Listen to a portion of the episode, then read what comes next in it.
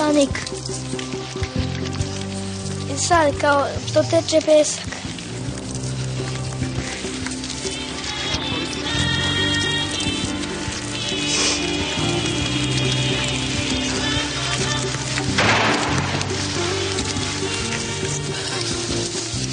Živet ćemo, radit ćeš ko rob. Bićemo robovi. Nije to Hag, to smo mi. Peščanik.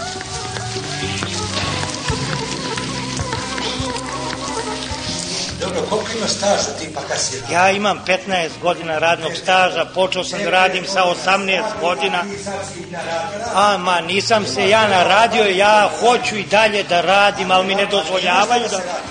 Ne dozvoljavaju mi da radim. Pazi, mi pričamo o radu, ali nemamo šta da radimo. Ajde da postavimo pitanje šta da radimo. Ja sam šest sati puta do Banja Luke gledala u pod od autobusa.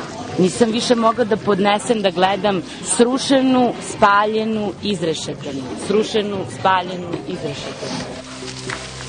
Peščanik. Možda Đinđić to hoće što je. Trči, skači, plivaj. I slušajte emisiju Bože, on hoće da mi rintamo od jutra do sutra. Je on glup? Ovde je moja zemlja koju da napustim nikad neću. Znači u ovom referendumu, kad smo mi trebali da odlučimo da će dođe Felipe Gonzalez i još dva neka pedera španca, 5 miliona 300 hiljada ljudi je došlo da kaže ko vas jebe. Gde je nestalo tih 5 miliona 300 hiljada ljudi danas? 5 miliona vratno ušlo u DSS i zaboravilo automatski da ikada pripadao bilo čemu nego Koštonici. Pošto ja izuzetno cenim gospodina Đelića, Sušćak veliki radi za nas danonoćno, gospodin Lavus, Pitić, Vlahović, Matković, kao ova e, fina žena, lepa žena, lepo rade. E, ako vidim da su oni rekli da su spakovali kufere, onda znači da sad za dugo vreme smo pali opet neki ambis. Vidjet ćemo koji. S ljubavlju i mučninom. Tako mislim u Srbiji, s ljubavlju i mučninom.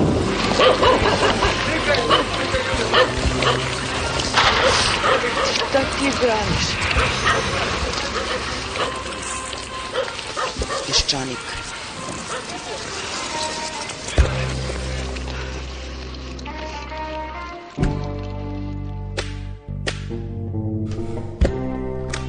Dobar dan, poštovani slušalci. Naši političari su zauzeti ovih dana jako. Naš mudrac i svetac e, čuva svoj lik i delo. Videli ste da se jako naljutio što niko neće da brani činjenicu da su mu tutnuli ruke onaj Kalašnjikov na Kosovu i očekuje da ga cela država brani jer tvrdi da napadajući njega, odnosno ostale opozicijne političare, napadnuta je i Srbija. Naravno, sada ima mnogo posla jer mu je Đinđić oduzeo mandate, a on se relaksirao pre neki dan odlazeći na koncert Bore Čorbi, sad se odmara. A, Ministar Mihajlović ima a, problema, jedan od njegovih najbližih saradnika je, kao što znate, ubijen. Njegov, a, prijatelji tog saradnika, a i policajci koji su se našli na licu mesta su zalegli. A, i verovatno su još uvek tamo ako ih niko nije odvukao da eventualno posvedoče da li su nešto videli. Bilo je reči da Mihajlović treba da podnese ostavku, onda su ga predstavnici drugih koalicijnih partnera branili podatkom, odnosno tvrdnjom da ne može ministar da podnosi ostavku kad god neko bude ubijen. Ja vas podsjećam samo da je ministar Mihajlović jednom, koliko se ja sećam, rekao da će podneti ostavku i to na opozivu i sećate se, to je bilo kada je a, Mišković, čuveni Mišković, a, ona sirotinja koja ima deltu i sve što delta posjeduje u ovoj zemlji kada je bio otet, to je jedini put kada se on ozbiljno naljutio i pretio ostavkom, sada o tome nema ni reči, dakle ostavci Batić, Batić ima pune ruke posla pošto mu Karla Del Ponte ne odgovara, više nije u tom privatnom ratu sa njom. Razloči cara Dušana, ona ga razloči tako što a, ispituje tezu velikoj Srbiji od cara Dušana. Batić je cara Dušana postavio ispred palate pravde, očekujući valjda da će mu sudije, da će da se otkucavaju svakog jutra kod cara Dušana kada ulaze u palatu federacije. Prekjuče bio jedan, jedan veoma neprijetan sastanak u Skupštini Srbije kada su a, ministar Batić i premijer Đinđić pozvali neku vrstu informativnog razgovora predstavnike pravosuđa, a tamo su bili gospođe Vida Petrović Škero, predsjednica Okružnog suda i gospođa Lepa Karamarković, predsjednica Vrhovnog suda Srbije. I premijer i ministar Batić su ih grdili zato što rade neefikasno, zato što se žale na uslove, zato što zatvorenici izgledaju, kako je rekao premijer, kao futbaleri na dopustu sa mobilnim telefonima i sličnim spravama. A sinoć je im prije uzvratila udarac, naime u Narodnoj biblioteci održana je jedna tribina na kojoj je govorila između ostalih i gospođe Vida Petrović Škero, vidno ogorčena i ponižena tim razgovorom u Skupštini Srbije, a na tom skupu sinoć, dakle, govorili su pored nje i profesorka Vesna Rakić-Vodinilić i profesor pravnog fakulteta E, Jovica Trkulja. Evo da čujete najprije, dakle, gospođu Vidu Petrović Kero, predsjednicu Okružnog suda uh, u Beogradu. Da, za početak samo uh, izneti su jedan podatak koji je veoma zanimljiv. Uh, naime da prema poslednjem ispitivanju javnog mjenja čak 71% naših građana nema poverenja u sudstvo, a 61% veruje da su korumpirani. A gospođa Vesna Rakić-Vodinić je iznala jedno poređenje da recimo Portugalija koja ima 10 miliona stanovnika za razliku od nas koja a ima nas samo 7,5 miliona, tamo ima 1200 sudija, a kod nas ima 2500 sudija. E, međutim, godišnje tih 1200 sudija u Portugaliji presudi e, vodi odnosno 7 do 8 miliona sudskih postupaka, a kod nas, naravno nema preciznih podataka, ali negde oko 4 miliona.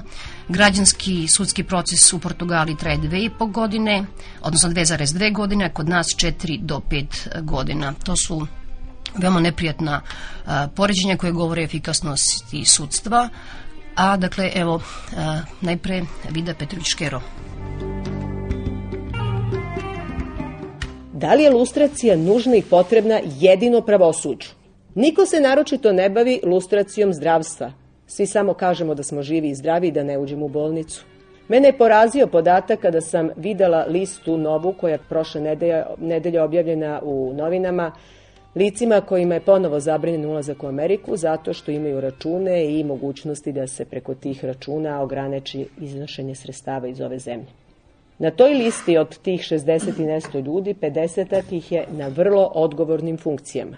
Juče sam čula vrlo interesantan komentar kada sam ovo isto ili slično rekla u Skupštini, komentar koji je bio posle svega toga jednog od poslanika koji je bio prisutan i vrlo diskutovao o tome kako sudstvo mora da se samo lustrira. Komentar je bio mi to ne možemo da uradimo. Mi nikad nećemo imati konsenzus o tome da se napravi zakon o lustraciji. Morate to uraditi sami. Mi to od vas očekujemo jer nam to treba. Gde smo onda? Da li je to stvarna želja za lustracijom ili je to zaista nešto što se zove politička trka, odnosno predizborna kampanja? Gde je pravosuđe dalje stiglo u nezavisnosti? Da ima godinu dana dugovanja prema porotnicima i godinu dana dugovanja prema veštacima koji više neće da rade. Da li će sudstvo biti efikasno, ažurno ili krivo? Bojim se da će biti krivo, jer smo bili u situaciji da smo juče pozvani u Skupštinu da se pozovemo zato što smo krivi. Svakako nismo krivi.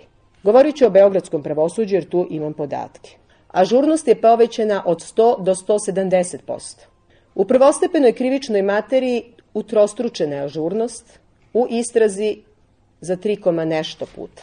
Ali prozvani smo, jer mi smo jedno nesposobno, nikakvo i nereformisano pravosuđe koje je sebi dozvolilo luksus da u godinu dana ne presudi ni jedan, tako je rečeno, spor koji izaziva medijsku javnost.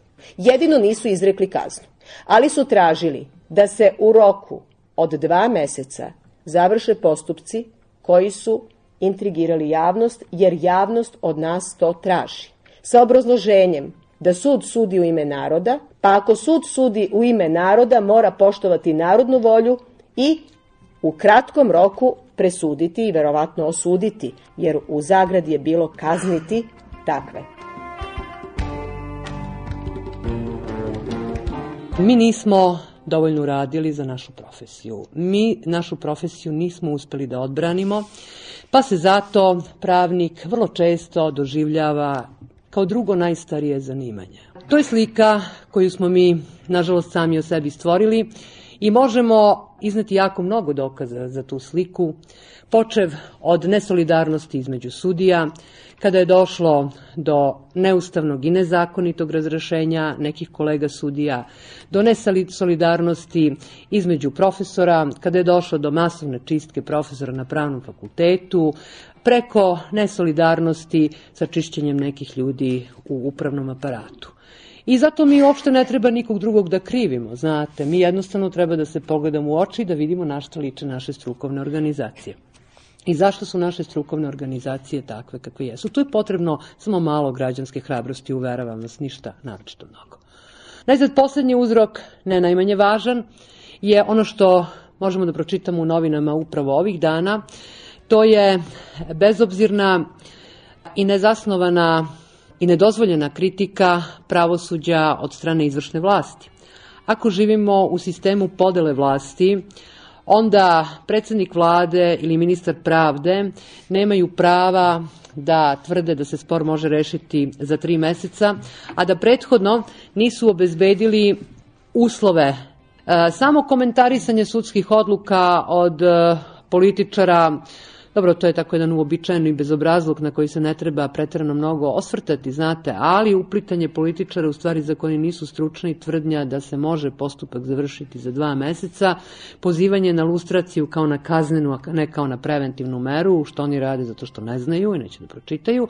To je dakle e, nešto čemu sudije moraju kao korpus da se suprotstavi. Ništa ne vredi da se mi na njih ljutimo, prosto treba to otvoreno da im kažem. Evo ja koristim priliku, iako nisam sudija, da im kažem da su bez bezobrazni, zato što pričaju o stvarima o kojima pojma nemaju, treba prvo da nauče, pa ćemo onda sa njima ozbiljno o tome da razgovaramo.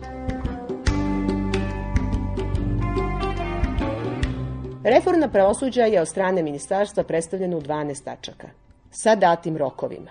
Predmeti gde se sudi ranijim, čini mi se, političarima, žao mi je što nisam ponela ili tome slično, presudit će se u roku, pa piše u roku, od dva meseca da se prekine sa svakom vrstom seminara i edukacija dok se ne sredi pravosuđe, rok odmah. Bilo je još nekoliko rokova pod odmah. Ministarstvo je krenulo u reformu. Juče ujutru je u Palatu pravde u 8.00 stigla ministarska delegacija od sedam službenika ministarstva. Nedopustivo je to što su stigli u pratnji kamermana. Rečeno mi je da je čovek ovlašćen da to uđe i uradi. Zato što je ministar pravde, koji nijednim zakonom na to nije ovlašćen, izdao ovlašćenje kojim je ovlastio kamermana televizije BK da dana tog i tog izvrši snimanje sudnica i kabineta. Više od 90% sudija okružnog suda radi kao žalbeno, žalbeni sudija. Znači, nema suđenja. Te sudije koji nisu klasični činovnici, nego su sudije, nezavisne sudije imaju dozvolu predsednika suda da mogu da spremaju predmete kući i diktiraju kod kuće, jer nemaju uslova za takav rad u kancelarijama i takvo je stanje godinama i bit će, nadam se, i dalje. Bitno je da uradi presudu, bitno je da ta presuda bude urađena u roku. Kamerman je pošao sa komisijom da pregleda i snimi svaki kabinet i svaku sudnicu, a kolege iz ministarstva su pravile popis ko je prisutan. Da li su izveštaj koje je jučer premijer izneo na televiziji da okružni sud u Beogradu, koji je najveći sud na Balkanu, u pola deset ujutru, što nije bilo tačno, ima na poslu 20% sudija. Da za taj rad ne zaslužuju platu od 1000 maraka, ono isto što bi rekao jedan naš kolega koja se kao svadbarski papir lepi na čelo, a o kojem mi i dalje sanjamo. Čula sam da nam je poručeno i da možemo da izaberemo drugu zemlju, ako nam se ova zemlja ne sviđa, jer u Švajcarskoj postoje sigurno bolji uslovi za sudije. Biće da onda treba ili da odemo iz suda ili treba da biramo rezervnu državu. Ne bi znala da kažem šta je cilj, ali znam da samostalno i nezavisno sudstvo u ovim uslovima teško da će se razvijati.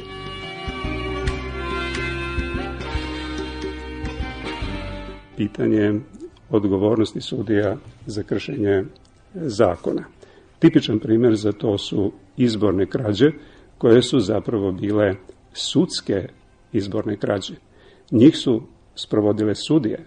Međutim, odgovornost sudija za počinjeno kršenje zakona pre oktobra 2000. godine nije posle toga u Srbiji uopšte postavljena kao pitanje i do sada je posve izostao krivično pravni progon sudija i koliko je meni poznato razrešeno je dvoje ili troje sudija, desetak su dali ostavke, ali niko po ovom osnovu nije odgovarao. Uporedna e, iskustva i prakse govore nešto sasvim drugačije. Recimo, ako posmatramo istočnu Nemačku, u njoj od 90. do 98. godine ste imali 44.300 optuženja za kršenje zakona. Dve trećine tih optuženja za kršenje zakona odnosilo se na sudske funkcionere. Moje mišljenje je da, nažalost, e, epilog će u svemu tome biti krajnje e, negativan i da ovoj zemlji, kako stvari stoje u neposrednoj budućnosti, po mojom mišljenju, nema šanse e, ni za ovu diskvalifikaciju zakonsku, a ponajmanje za lustracijsku. Zašto? Prvo, mi smo suočeni sa procesom ne prevladavanja i savladavanja, već prerade prošlosti i izmene kolektivnog pamćenja. Za razliku od niza ovih srednjeevropskih i e, zemalja, e, Srbija nema uslove za ove diferencijacije zato što tu nema jasne razlike između žrtava i počinioca. Isuviše je ovde kod nas bilo u svim ovim sredinama dobrovoljnih saučesnika u Miloševićevom režimu, koji su zapravo zahtevali bitno napuštanje principa profesije.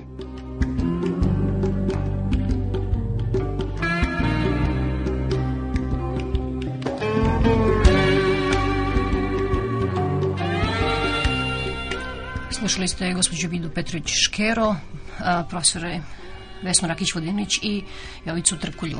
A sada govori književnik, novosadski književnik Laslo Egil. Ljudi postaju sve više apatični, da ne kažem moralni nihilisti, a druge strane u politici se sad odigrava jedna kriza, kriza identiteta te političke elite koje pre dve godine, kako da kažem, na tacnije dobila od naroda vlast, a sada drži još uvijek tu tacnu i ne zna šta da radi sa tom vlašću, živi polovično u prošlosti i malo je izgubljena u sadašnjosti. E, tako izgleda ta naša elita i mislim da tu sad čovjek sve više, ja lično osjećam se nemoćnim, izigranim, vidim moju energiju uzaludnu potrošenu u protekli 10-15 godina. I u toj situaciji svakako možda jedini izbor ipak je ostalo to da ostajem pored radnog stola i da pišem. Mi smo uvijek još u nekom, nekoj prošlosti. Mi nemamo neku budućnost na osnovu čega možemo da kažemo da ni prošlost više nije ono staro. Prema tome, mi smo još uvijek e, svi na nekako, na neki način e, ljudi prošlosti. Ja mislim da u Srbiji naj, jedina posljednja slamka to su marginalci na periferiji, potpuno nepovezani i potpuno usamljeni.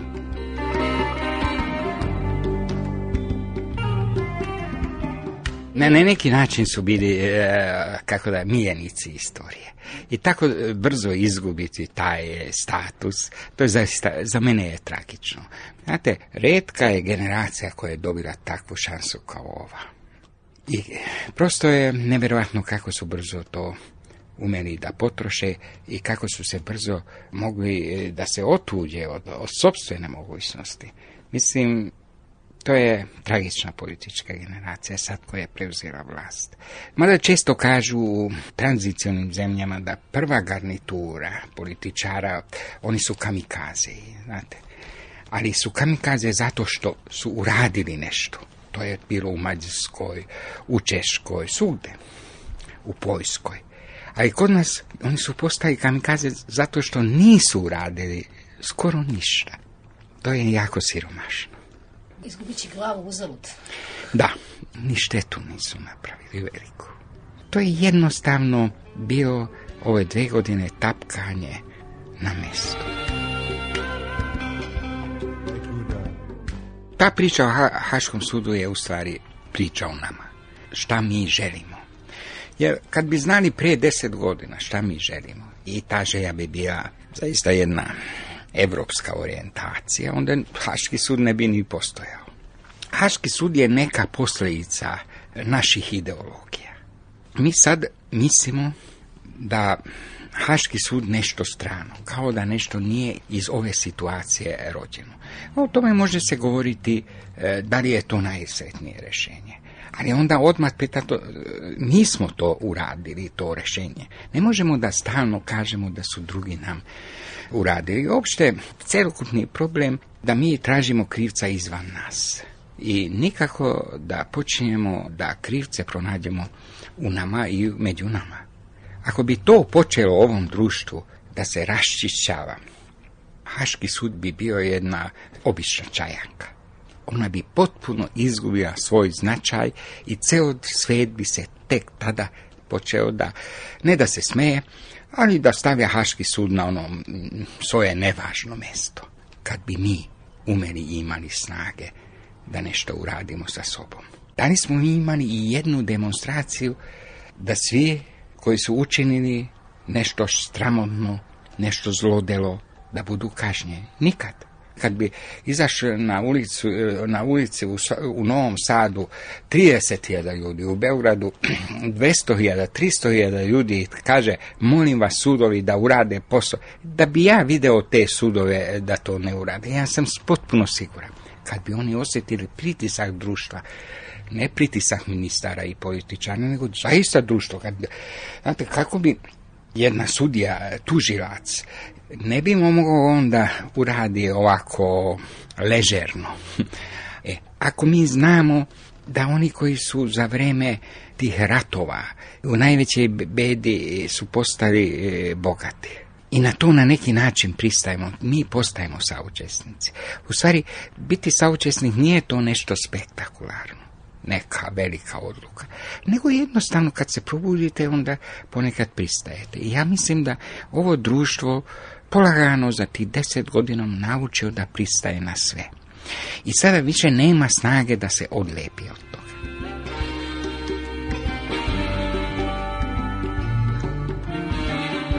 To je sad jedan zaista e, komplikovan odnos između starog i postoktobarskog nacionalizma taj nacionalizam pre oktobra je bio e, bez moralne legitimacije. Ja mislim da posle 5. oktobra nacionalizam je dobio jedan, jednu moralnu legitimaciju. Kako da kažem, oni koji su bili nacionalisti teškom mukom su to prisnali. Pa i oni koji su to bili, to su uvijek to radili krišom pod nekom drugom lozinkom, e, zbog međunarodne zavere i tako da je. Ja mislim da posle 5. oktobra nacionalizam je dobio jednu moralnu legitimaciju i zbog toga ona stabilnija, ali nije više toliko agresivna. Ona, ona zna da ipak neke kompromise bar privremeno mora da učini. Međutim, mi nemamo još uvijek jedan pravi moderni nacionalizam, moderni evropski nacionalizam koji postoje svugde. Mi imamo uglavnom nešto, neku vrstu maglovitu, polupopulističku, polunacionalističku masovnu robu na političkoj pijaci. Možda je Koštovinci najveći fijasko da nije uspeo modernizovati nacionalizam, da je to ostala jedna stara retorika. Ja mislim da svako želi da bude sve. Svako želi da bude i nacionalist, i liberal, i socijaldemokrat, i e, borac za, za visokog standarda, i borac za privatizaciju, i borac za radnike. E, odjednom želi da bude sve i zbog toga postaje ništa.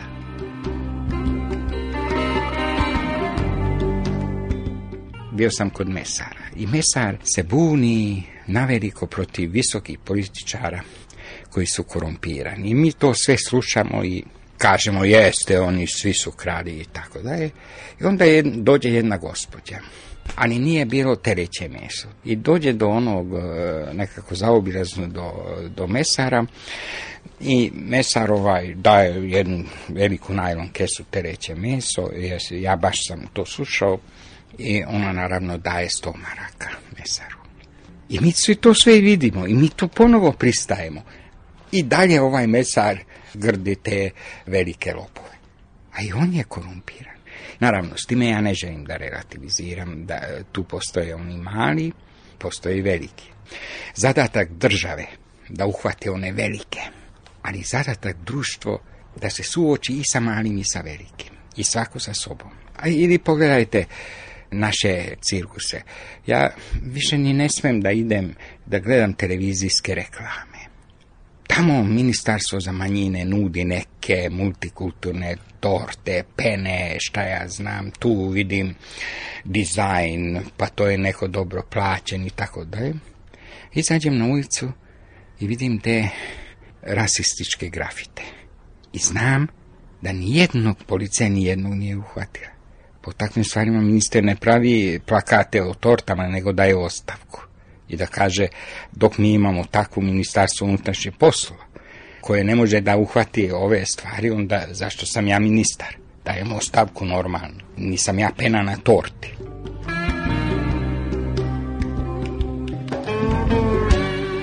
I ja sam imao osjećaj da će Koštunica kao demokratski nacional, nacionalist imati jedan visoki moralni dignitet kojim, s kojom će prevazići okvire svoje ideologije. Da upravo preko nekog moralnog digniteta ideologija će smanjiti utjecaj. Međutim, kad je dobio vlast, onda on je još postao veći ideolog, što više onda tek je postao partijski ideolog. To je jedna dosta nesretna solucija. Znate, predsjednik Republike mnogo više nego jedna partija. Naročito u tim godinama, kada bi trebalo iznova konstituisati neke moralne vrednostni sisteme ovog društva, onda predsjednik Republike koji treba da bez moći i bez sile da sam po sebi bude jedna moralna paradigma. On, nažalost, tu ulogu nije mogao prihvatiti, možda nije mogao, možda nije smeo, Možda nije ni hteo. Ja u to ne mogu da ulazim, to je, to je izvan domena moje, moje kompetencije, ali, ali vidim da e, kako je postao popularni, on je postao sve više kao antipredsjednik, a ne kao predsjednik. Nešto je slično i sa Đinđićem koji je mislio da može se vršiti neke reforme pomoću neke instrumente, ali treba tu jedna temeljita društvena reforma i ne može se e, neke neuralgičke tačke preskočiti. Mi smo, što se tiče poreza, išli najbrže. Ali nismo uspjeli napraviti e, zakon o sukobu interesa. E vidite, to znači da ni zakon o porezu nije dobar. Nešto nedostaje. Tu niko nije ni pomislio na reformu cijelog društva. Svako je bio protiv Miloševića zbog partikularnih razloga, a niko nije bio protiv Miloševića zbog jednog novog sveta. Pa to sami i oni priznaju iz DOS-a, iz DSS-a, da oni su dobili izbore kao protivnici Miloševića, a što se budućnosti tiče, nemaju oni saglasnost. Na tome oni to i javno priznaju.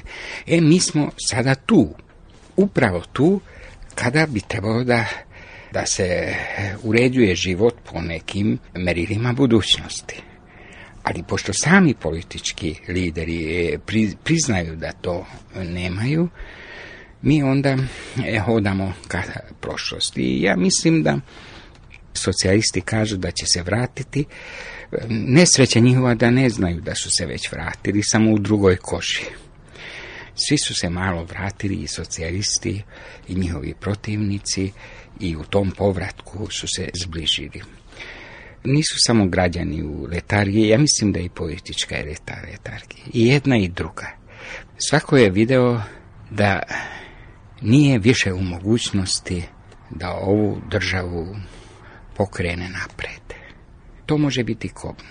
Mi možemo ponovo da sebe iz očaja da nateramo da upadnemo u klopku. Prema tome, svako mora da ostaje sam sa sobom i da pogleda u ogledalo i da bude trezen, da ne čini ništa što bi još kvario ovu situaciju.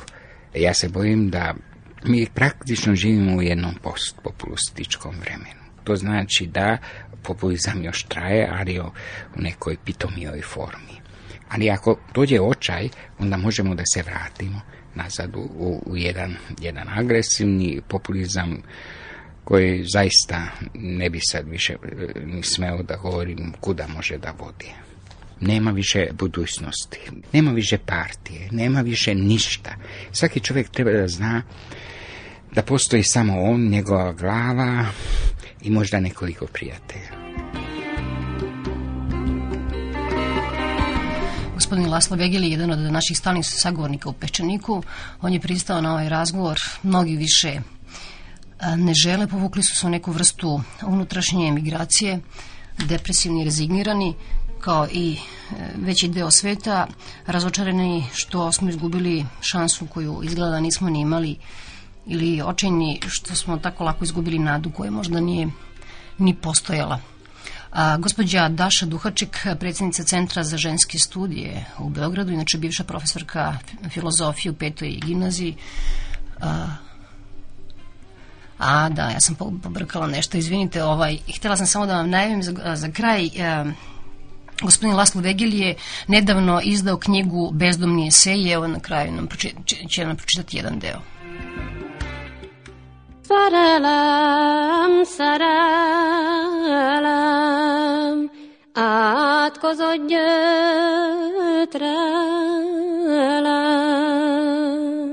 Néha arra gondolok, hogy sohasem távozom a Duna utcából, ponekad pomislim da nikad neću otići iz Dunavske ulice, da ću večno ostati ovde, dreždeći kao neki zaboravljeni stražar, koji je i sam zaboravio lozinku, a i šta zapravo treba da čuva, njegovo stražarenje je nepotrebno, ali on ipak ostaje na svom mestu, jer nema gde da se povuče, ne rukovodi sa osveštenim lokalpatriotizmom, jer svojim besciljnom privreženošću on u sebi samo utvrđuje svest o uzaludnosti. csak az otthontalanságot tudatosítja magába. Mert én is szakíztottam. Bizonyosságot és némi reményt csupán abból a felismerésből merít, известно само познание и надо црпи един и спознае да се, захвајујќи властитој устрајности, овом улицом шета само еден сувишни човек више. Novosadjani su, naime, postali suvišni ljudi. Ali gradskom stanovniku je i toliko dovoljno. Dosta su mu utuvljavali u glavu da postoji samo jedna istina i samo jedna laž. Povremeno su uspevali da ga u to ubede, ali nikad nije dobio odgovor na pitanje šta je ona sluzava, lepljiva, pihtijasta masa, koja se između njih prostire i koje se, kriju oni koji su dugi niz decenija određivali šta je istina i šta je laž. Hogy mi a hazugság, és mi az igazság.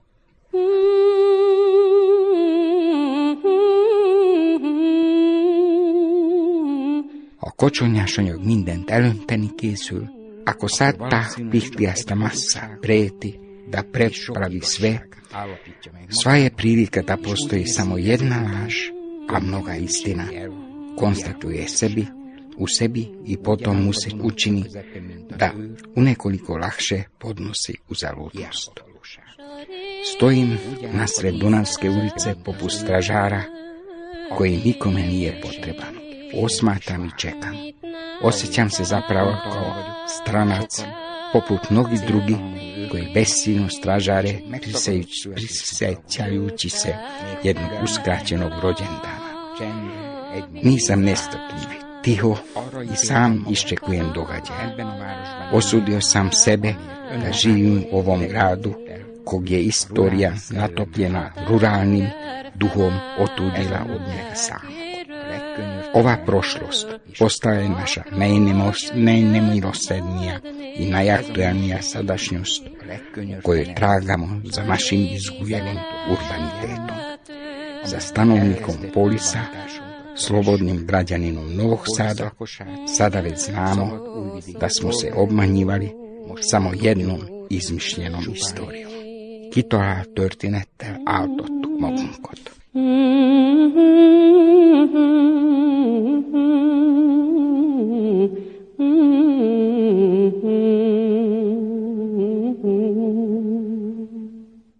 Peščanik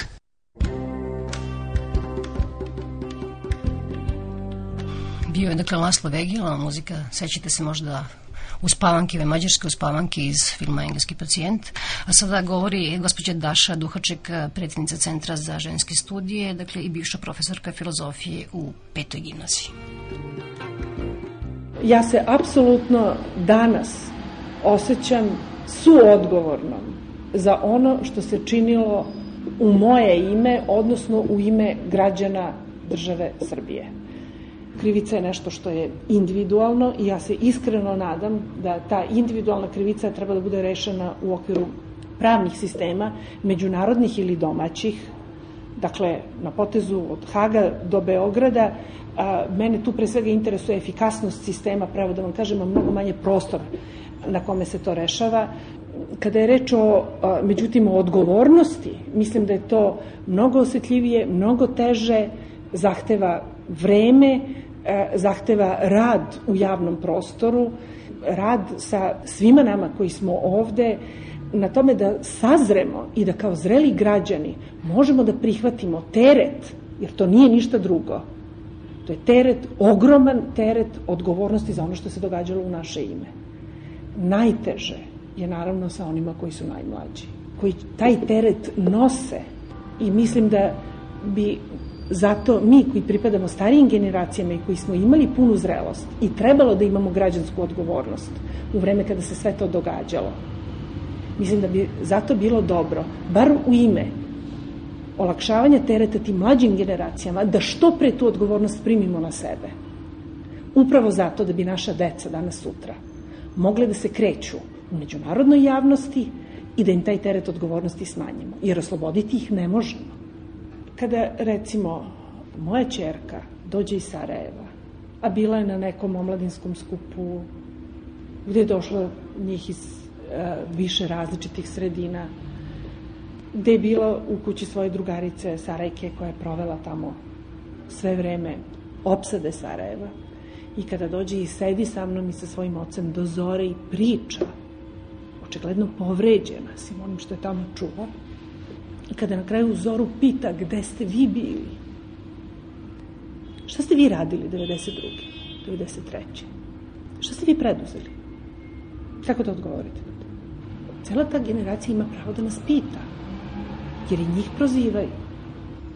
Negde, kažem, u Zoru na kraju priznate da mislite da niste uradili dovoljno. Pokušate da se čupate tako što ćete reći pa Nosili smo crni flor, potpisivali smo peticije, bili smo na svim demonstracijama. Jesmo. Klečali u Pionirskom parku zbog bombardovanja Sarajeva. Sve smo to radili. Palili sveće. Ja ne znam, kako se izmeri to da li smo uradili dovoljno, šta to znači dovoljno? Dovoljno bi bilo samo da smo to zaustavili, a nismo. Važno je prepoznati na vreme, unapred, šta je unapred, šta je na vreme, Ja sada sebe često zatičem u tome da osluškujem ili čitam ili pratim vesti upravo tako što hoću da stavim te naočare. Nemoj da ti se desi da propustiš ponovo. Ni jednu javnu izjavu. Od recimo javne izjave da je Labu sumnjiv zato što se ne zna po prezimenu da li je ili nije e, Srbin srpskog porekla šta li, do Đinđićevog odgovora da je potpuno, treba da se osjećamo bezbednim, jer Labus je, šta, Srbin. Dakle, to bi trebalo već da bude zvono za uzbunu. To ne sme da nam se desi. od izjave Velje Ilića do odgovora premijera Đinđića, od čega je jedno katastrofa i fašizacija, a drugo je potpuno neadekvatan odgovor.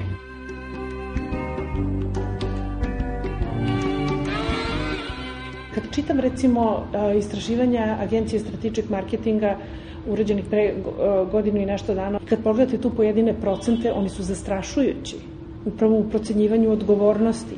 Kad god se postave dva činioca u uspostavljanju odgovornosti, uvek je reč o onome, o onom činiocu koji je dalje od mene. Ako je između Srba i Slovenaca, onda su Slovenci više odgovorni. Ako je o odnosu Evrope i Amerike, onda je Amerika odgovornija.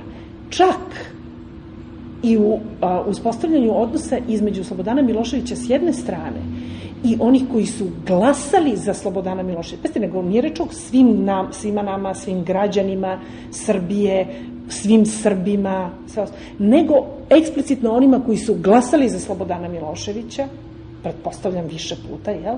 i o Slobodanu Miloševiću, on je više odgovoran od svih onih koji su za njega glasali. Mislim da to govori jako mnogo o odgovornosti, prosto o elementarnoj zrelosti građanskoj i građanskoj odgovornosti na ovom prostoru. Pa ti si morala ili morao biti obavešten ako si glasao ili glasala za Slobodana Miloševića o tome šta ta politika sa sobom nosi. Nisi jednom to uradila ili uradio. Pazite, ja ne govorim o krivici, a, još manje o kolektivnoj krivici, tako nešto ne postoji. Ali govorim o političkoj odgovornosti građana ove države. Ona je po definiciji kolektivna. Ono što mi je takođe jasno, to je da u momentu kada smo svi bili na ulici 5. oktobra, kada su bili moji studenti, studentkinje, moja deca na ulici 5. oktobra, ono čime sam ja danas zadovoljna je što to što se desilo nije nosilo sa sobom nasilje i žrtve. I jasno je da je to moralo da ponese i određenu cenu. Ali ja ne pristajem sada da ta cena bude kontinuitet sa prethodnom vlašću. Ja sada hoću polaganje računa. To između ostalog podrazumeva preuzimanje odgovornosti za ono što se desilo. Ceo politički program a, a, Demokratske stranke Srbije, a, kao i njenog predsednika Vojslava Koštunice, a, mislim da a, za razliku od političkih snaga koje su bile na vlasti do 5. oktobra, ovde imamo pred sobom a, pravi nacionalizam sa svim užasnim posledicama koje to može sa sobom i dalje da nosi. To je prosto ono čega se ja danas najviše bojim. To da e, će ta politička snaga sticajem raznih okolnosti dobiti podršku one takozvane tihe, neutralne, čitajte, umorne, e, nezadovoljne većine. Eto nama fašizma. Opet. Ovde će, mislim, još dugo vremena biti potrebno da sve snage a, koji imaju bilo kakav prosvetiteljski moment ostanu udružene na tome da ne idemo unazad.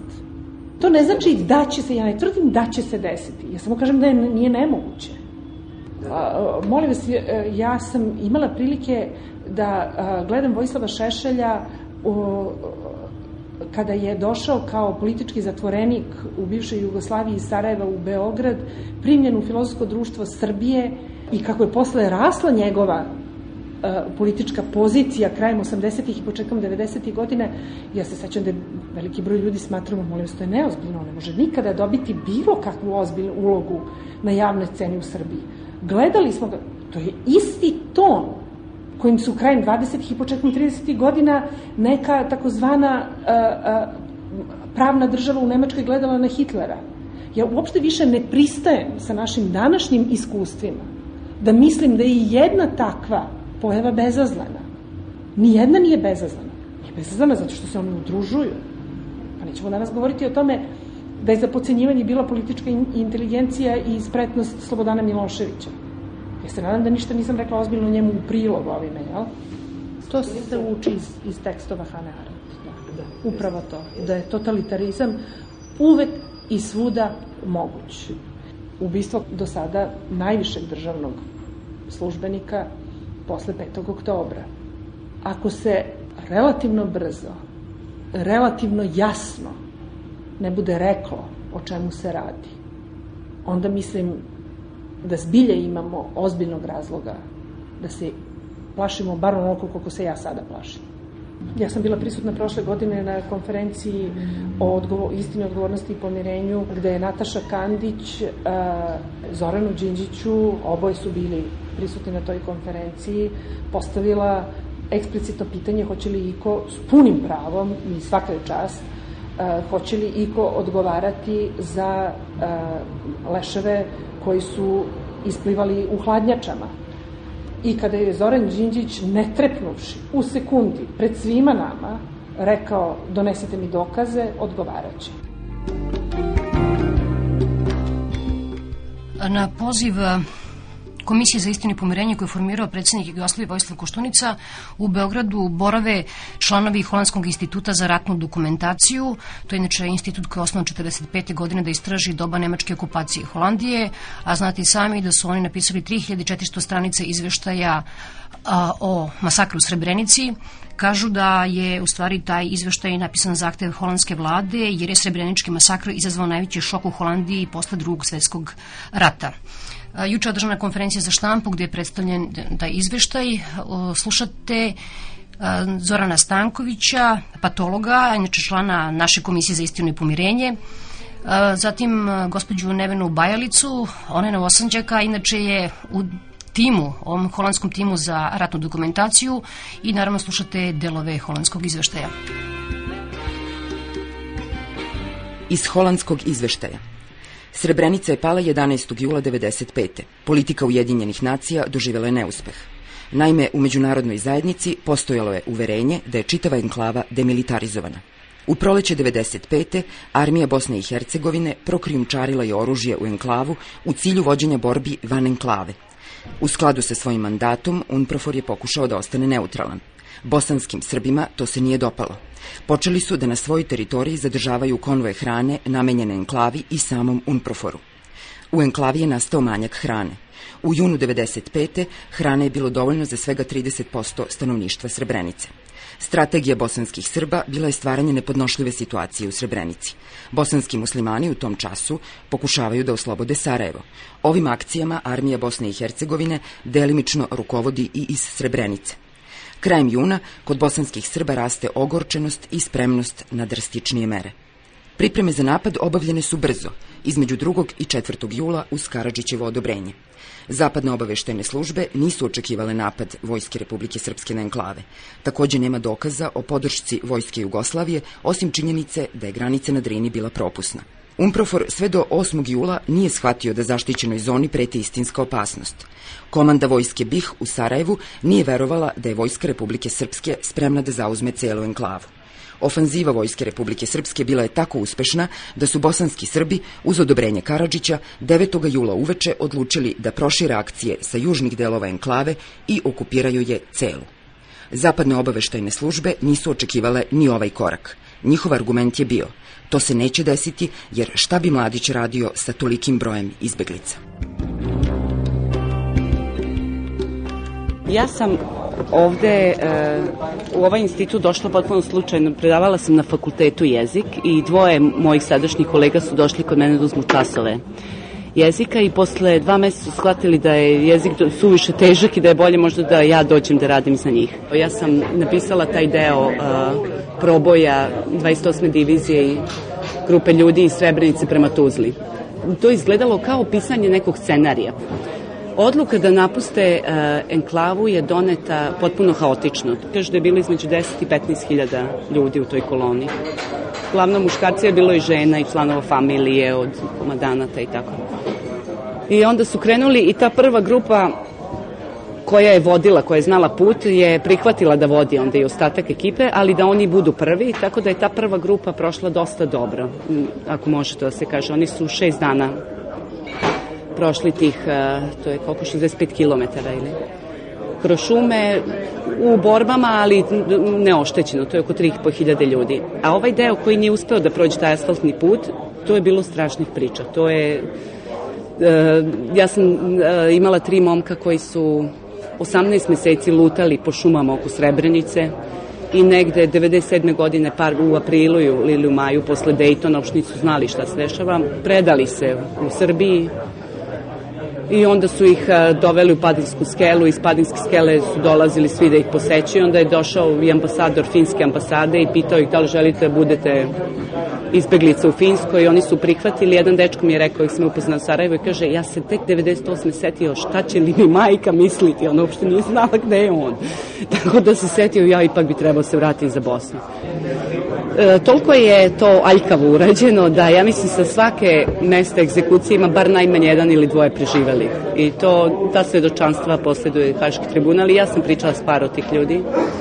E, čekalo se negde do, kraja, do 12. jula, po tome se vidi da ta kako smo mi uspeli to da zaključimo, da masovne ubistva nisu napred pripremljena, već je to odluka bila donesena u tom trenutku i mi smo zajednički, pošto smo svi zajedno pričali oko tih zaključaka, da se svi dogovorimo, da svi mislimo isto, zaključili da je ta donuka, odluka donesena od jedne osobe, a to je Mladić, pošto je bio najviši oficir u, u tom trenutku, glavno komandujući, I ja mislim da je uh, vrlo bitno da se istraži, da se o tome priča, kako su stvoreni ti uslovi i u Republici Srpskoj i unutar Vojske Republike Srpske, da jedna osoba, e sad motivi su možda za psihijatre ili za antropologe ili ali da je sistem bio tako kreiran da jedna osoba može da odluči da pobije koliko hoće ljudi, što je jako strašno u stvari, zastrašujuće. Ja bih hteo samo da kažem, pošto se i ovo javnosti govori o šest ili osam hiljada ubijenih žena i dečaka,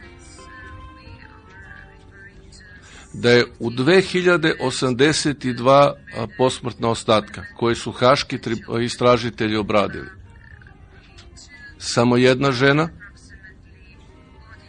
i sedam dečaka od 6 do 12 godina starosti i zbog čega se ovoliko insistira na broju likvidacija, kada je Haški tribunal, koji je jedini ovlašten da vrši istragu o događajima oko Srebrenice, objavio podatak da je do sada pronađeno 2082 lica, to je posmrtnih ostataka, i u fazi obrade je još oko 150 posmrtnih ostataka u Visokom,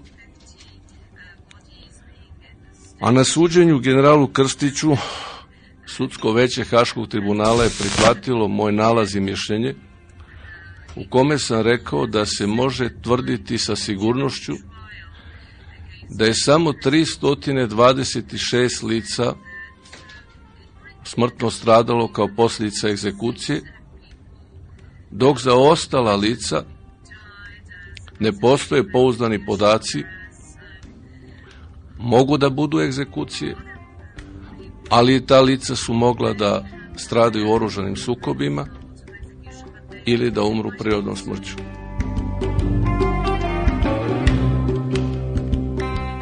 Iz holandskog izveštaja.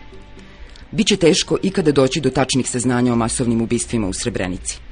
Teška će biti i analiza motiva. Još uvek nije moguće utvrditi tačan broj pogubljenih ljudi imamo spisak od 7475 nestalih, uključujući i poginule u borbama, granatirane u izbegličkoj koloni, kao i znatan broj samoubistava za vreme povlačenja ka Tuzli. Srpski podaci govore o 6000 zarobljenih od strane Vojske Republike Srpske. Cifra približno odgovara broju ljudi koji su pogubljeni. Još uvek nije utvrđeno ko je izdao naređenja za masovna pogubljenja. Ne zna se ni da li je odluka bila politička ili vojna. Pogubljenja ovih razmera svakako su zahtevala prethodno planiranje i organizaciju. U dobro organizovanoj i disciplinovanoj vojsci, kao što je bila Vojska Republike Srpske, ovakve akcije su sigurno zahtevale punu kooperaciju i znanje komandanata. Morao je biti organizovan transport za zarobljenike i za streljačke vodove. Mnogi su morali biti angažovani za kasnije prikrivanje tragova. Nedelo je verovatno da su masovna ubistva bila planirana mesecima unapred, mada bošnjaci veruju u to. Vrlo je moguće da je odluka o pogubljenju svih muslimana muškaraca sposobnih za vojsku doneta neko vreme posle pada enklave, verovatno 12. jula ujutru. 11. jula uveče Mladić je u Bratuncu objavio da je Srebrenica osvojena i da je na redu osvajanje žepe. Srbi nisu očekivali da će zarobljeni muslimani pokušati proboj ka Tuzli. Pustiti vojnike iz armije Bosne i Hercegovine da pobegnu u tom času bilo je krajnje nezgodno sa stanovišta Vojske Republike Srpske. Još uvek se ne zna da li je Karadžić odobrio masovna pogubljenja. Mi smo, kad smo dobili ovaj poziv komisije, mi smo doktora Stankovića upoznali na početku, ali on je nama dao izveštaj, on išao, radio te autopsije srpskih žrtava. Tako smo došli u kontakt. Kad smo dobili ovaj poziv, mislili smo kako će to biti, ali u stvari mislim da najvažnije je da smo pozvani i da se uopšte u Srbiji priča o tome. Da meni je to, Bosna je jako tužna. Jako tužna. Ja mislim da meni najtužnije da to su te posete Srebrenici sigurno. Oni još uvijek, na primjer, nemaju vodu za piće i to su ti ljudi koji žive u tim nekim zgradama stambenim, koji su potpuno uništeni i to ne samo tih par dana jula 95. već to par godina, to su razni meci koji tu imaju i to su ta deca koje tamo odrastaju i onda sam govorila, imali smo te ljude koji su nas tamo malo vodili. Kažem, da koristite onda tu prirodu, vodi decu u šume, bar nek vide nešto zeleno ili... Uopšte ne znam kakvi će oni ljudi postati. Mene je strašno porazilo kad sam čitala te izjave svedoka i to je to tipično bosansko korišćenje uh, trećeg lica jednine. Dovelo, odvezlo, povelo, mobilisalo, došlo, odvezlo, poklalo, zakopalo, sakrilo i oni tako gledaju šta se njima desi. I to je jako tužno da se čita po tim izjavama. Što oni stvarno, oni kao da ne umeju sami sebi da objasne šta njima je neka treća sila, neko je došlo je i povelo i odvelo i silovalo i poklalo i tako je. I takva je stvarno situacija. I to je jako tužno se vidi. I onda su te žene srebrenice koje, e, znaš šta mi je bilo najtužnije, primjer, kad bila sam u tom rudniku soli, gde su ti leševi, tamo je bilo tad 2000 i nešto leševa, neidentifikovanih, i bila sam s tih par žena tamo, e, potpuno nikakva emocija. Oni su kao ugašene. To nije ni ljutnja, ni tuga, ni ništa. To je samo ništa. To su zombi. One hodaju tamo, onda je jako strašno zna, e, što po tim izjavama kad čitamo, one stvarno ni ne znaju šta se njima desilo. Eto, to je tako je, to je došlo i to je, reklo je idi u potu, odvelo u potočare, ovo je odavde odvelo, mobilisalo, ovo je poklalo i eto, sad one tako žive s tim. I onda isto, ne znam, znaš, u Bosni, unutar, one isto se manipuliše njima, one su jako lake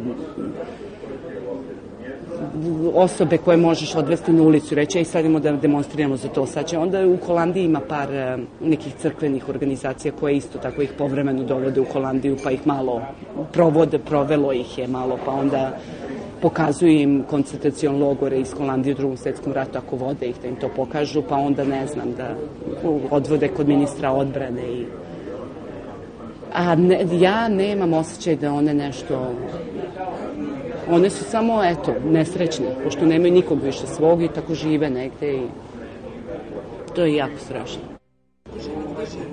One žive, u, e, ima par tih organizacija, a ne, ja nemam osjećaj da one nešto one su samo, eto, nesrećne, pošto nemaju nikog više svog i tako žive negde i to je jako strašno. One žive, u, e, ima par tih organizacija, nemaju nikog više svog i tako žive negde i to je jako strašno. One žive, u, e, ima par tih organizacija, to je tako je, to je došlo i to je, reklo je idi u potu, odvelo u potočare, ovo je odavde odvelo, mobilisalo, ovo je poklalo i eto, sad one tako žive s tim. I onda isto, ne znam, znaš, e, u Bosni, unutar, one isto se manipuliše njima, one su jako lake osobe koje možeš odvesti na ulicu reći, aj sad da demonstriramo za to. Sad će, onda u Holandiji ima par e, nekih crkvenih organizacija koje isto tako ih povremeno dovode u Holandiju, pa ih malo provode, provelo ih je malo, pa onda pokazuju im koncentracion logore iz Holandije u drugom svetskom ratu ako vode ih da im to pokažu, pa onda ne znam da odvode kod ministra odbrane i a ne, ja nemam osjećaj da one nešto one su samo eto nesrećne pošto nemaju nikog više svog i tako žive negde i to je jako strašno. One žive u, e, ima par tih organizacija one žive u, e, ima par tih organizacija povelo